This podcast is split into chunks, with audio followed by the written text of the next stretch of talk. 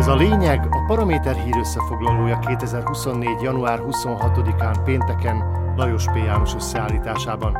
A mikrofonnál Juhász László. A lényeg támogatója az új évben is a Kaufland. Két nap alatt két lépéssel került közelebb a kormány a büntetőjogi csomag elfogadásához. Csütörtökön a gyorsított eljárásban való tárgyalást szavazták meg a kormánypárti képviselők, ma pedig az első olvasat is befejeződött. És szűk 76 voksal a második olvasatba került a törvény. Úgy látszik, az ellenzék idáig tudta fékezni a törvény elfogadását, amely jelentősen csökkenti a büntetési tételeket és az elévülési időt a korrupció esetében, valamint felszámolja a szervezett bűnözés felszámolásával foglalkozó speciális ügyészi hivatalt.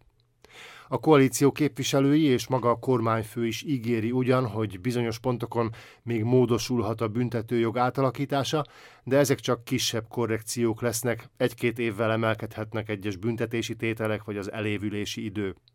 A speciális ügyészség azonban megszűnik, és várható, hogy több politikus ellen folytatott büntető eljárás is el fog évülni.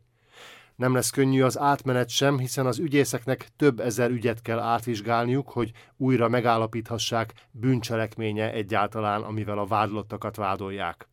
Borítékolható tehát a káosz, ami újra csak a vádlottaknak kedvez. Ha a koalíció folytatja a parlamenti vita korlátozását, az éjszakai tárgyalásokat vagy a vita időbeli korlátozását, akkor akár jövő héten rábólinthatnak a képviselők a törvényre. Ugyan várható, hogy a köztársasági elnök alkotmány ellenességre hivatkozva visszaadja a jogszabályt, de az február közepén így is életbe léphet. Ez sok koalíciós politikusnak vagy hozzájuk közel álló embereknek jelent majd nagy megkönnyebbülést. Forró Krisztián, a Magyar Szövetség elnöke és egyben köztársasági elnök jelöltje ma leadta az indulásához szükséges támogató aláírásokat. Forró szerint a szükséges közel dupláját, mint egy 30 ezer aláírás tartalmazó ívet adtak le. A jelölt azonnal meg is fogalmazta, hogy szerinte mit tart a választás legnagyobb tétjének. Az ő eredményében mutatkozik meg majd állítólag a szlovákiai magyarság ereje. Az első körben közösségünknek meg kell mutatnia az erejét, azt, hogy van önbizalmunk és nem lehet bennünket félreállítani, mondta a választás első fordulójáról forró. Ehhez azonban azt kellene elérnie, hogy a szlovákiai magyarság valóban a saját jelöltjének tartsa. Ezt azonban a pártja vezetőjeként sem sikerült elérnie, amit mutat a parlamenti választáson elért 4,3%-os eredmény. Forró a köztársasági elnök választáson 4%-kal is elégedett lenne, vagyis alacsonyabbra teszi a lécet, mint amit a pártja átugrott szeptember végén.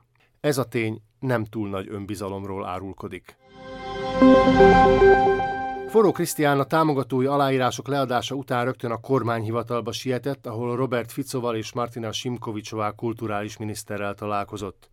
A Magyar Szövetség tájékoztatása szerint két fontos kérdésben is sikerült megegyezniük. A kisebbségi kulturális alap megőrzi függetlenségét, a kormány kisebbségügyi biztosa pedig dolgozhat a kisebbségek jogállásáról szóló törvényen. A megegyezés egyik hátulütője, hogy forró két olyan emberrel egyezett meg, akik ellen hetente több tízezren tüntetnek a demokrácia és a jogállam védelme érdekében. Lehet ugyanazzal érvelni, hogy azzal kell tárgyalni, aki hatalmon van, de felmerül a kérdés, hogy milyen segítséget lehet elvárni attól a miniszterelnöktől, aki a jogállam lebontásán dolgozik, és attól a kulturális minisztertől, akinek a leváltását szinte a teljes kulturális szcéna és közel 200 ezer ember követeli. Robert Fico nem csak Orbán Viktor uniós politikáját próbálja lemásolni, hanem az unión kívüli baráti kapcsolatait is Orbánhoz hasonlóan képzeli el. Erre utal, hogy sajtóhírek szerint Azerbajdzsánnak akar fegyvert eladni a Robert Kalinyák vezette védelmi minisztérium. Azerbajdzsán indexen van, mióta a 90-es évek közepén először támadta meg az örmény kisebbség által lakott hegyi Karabakot. A területet idén ősszel teljesen elfoglalta, a mintegy 120 ezeres örmény lakosságot pedig elűzték otthonából. Habár az örmények keresztények, a magyar kormány is inkább az azeri vezetéssel ápol jó viszonyt, hiába van szó muzulmán országról.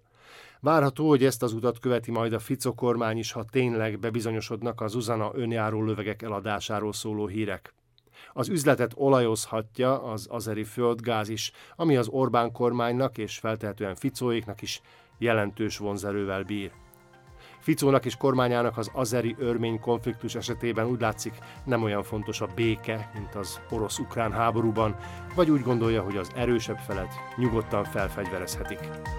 Ez volt a lényeg Lajos P. János összeállításában 2024. január 26-án, pénteken. Kommentált hírösszefoglalóval legközelebb hétfő este jelentkezünk a Paraméteren. Addig keressék podcastjainkat a Paramédia rovatban, illetve a Spotify, az Apple Podcasts, a Google Podcasts és a Podbean platformjain.